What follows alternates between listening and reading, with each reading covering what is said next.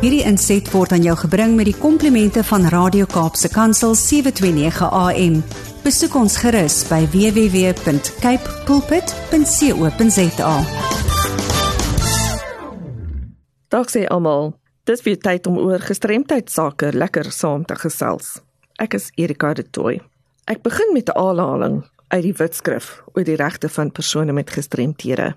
Dit sê: Selfverteenwoordiging verwys na die praktyk van mense wat hul eie kwessies self en vir hulself kan artikuleer. Dit verwys na mense wat in staat gestel word en toegelaat word om hul eie stem te hê in kwessies wat verband hou met hul spesifieke behoeftes en omstandighede. Ongelukkig is selfverteenwoordiging nie 'n konsep wat in ons gedagtes opkom wanneer ons aan persone met gestremthede dink nie. Die samelewing het vir eeue lank besluite geneem namens persone met gestremthede onder die verkeerde oortuiging dat hulle beter weet. In gebiede met min hulpbronne lei dit dikwels daartoe dat persone met gestremthede die stryd om hul eie lewens te bestuur opgegee het en nou ondersteuning by die owerhede aktief soek. Daar is baie faktore wat bydra tot hierdie afhanklikheid en ontmagtiging, insluitend sosiale isolasie wat vroeg in die lewe begin. Dit word by die huis, by die skool, by die werk en in die gemeenskap ervaar. Om sosiale isolasie te ontsnap, is dit 'n groot stap op die pad na bemagtiging. Dienste en stelsels wat nie reageer nie, hindernisse tot toegang tot geleenthede en dienste wat vir die algemene bevolking beskikbaar is, onvanpaste of onbeskikbare gestremdheidsspesifieke intervensies gekombineer met die bykomende koste van toegang tot dienste dra daartoe by om persone met gestremthede in 'n staat van afhanklikheid te hou. Armoede en afhanklikheid van ander vir oorlewing dra by tot hoë ontmagtigingsvlakke onder persone met gestremthede. En dan is daar mishandeling. Persone met gestremthede en veral kinders en vroue ervaar hoë vlakke van kwesbaarheid vir mishandeling om besluite te kan neem wat 'n mens se lewensstandaard raak, waar jy skool gaan, waar jy woon, met wie jy woon, met wie jy verhoudings vorm, waar jy werk en watter werk jy doen, is 'n onbekende konsep vir baie persone met gestremthede. Die beginsel van selfverteenwoordiging is dus uiters belangrik om 'n voldoende lewensstandaard te verseker en gaan hand aan hand met die konsepte van bemagtiging, deelname en 'n onafhanklike lewe. Bemagtiging verwys na prosesse, prosedures en aksies wat daarop gemik is om toegang, gelyke behandeling, insluitend deelname, aanspreeklikheid en doeltreffendheid te bied. Dit moedig en ontwikkel die vaardighede vir selfgenoegsaamheid met die fokus op die uitskakeling van die behoefte aan liefdadigheid of welsyn in individue en groepe.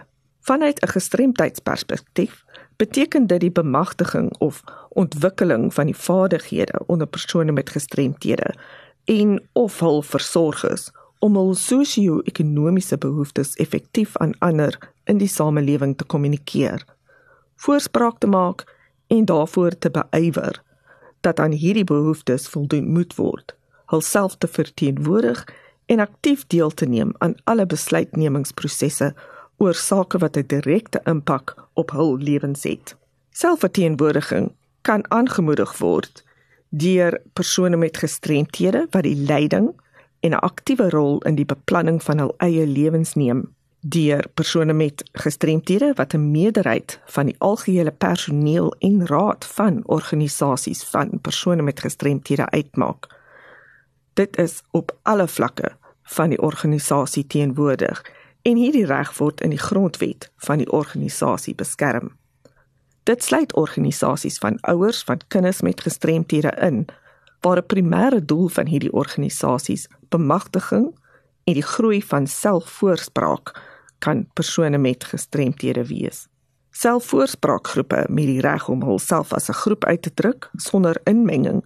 Hierdie onderverteenwoordigende groepe vereis spesifieke maatreëls om te verseker dat hul stemme gehoor word tydens voorspraak en moniteringsprosesse.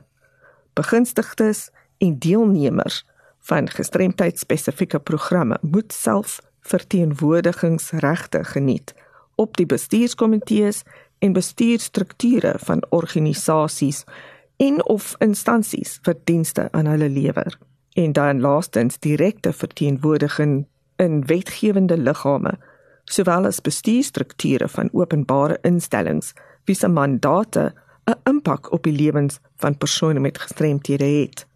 Dit sluit in dat persone met gestremthede verkiesbaar is as openbare verteenwoordigers op alle vlakke van bestuur en dat hul reg op selfverteenwoordiging in openbare instellings deur wetgewing verseker word. Kom, laat ons persone met gestremthede aanmoedig om hulself te verteenwoordig en enige ondersteuning of inligting te verskaf wat hulle benodig op hul versoek sodat hulle dit kan doen.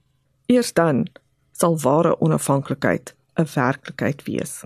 Stuur gerus enige navrae of kommentaar aan my Erika de Tooi by awareness@wcapd.org.za of skakel my kantoor by 021 355 2881. Hierdie inset was aan jou gebring met die komplimente van Radio Kaapse Kansel 729 AM. Besoek ons gerus by www.cape pulpit.co.za.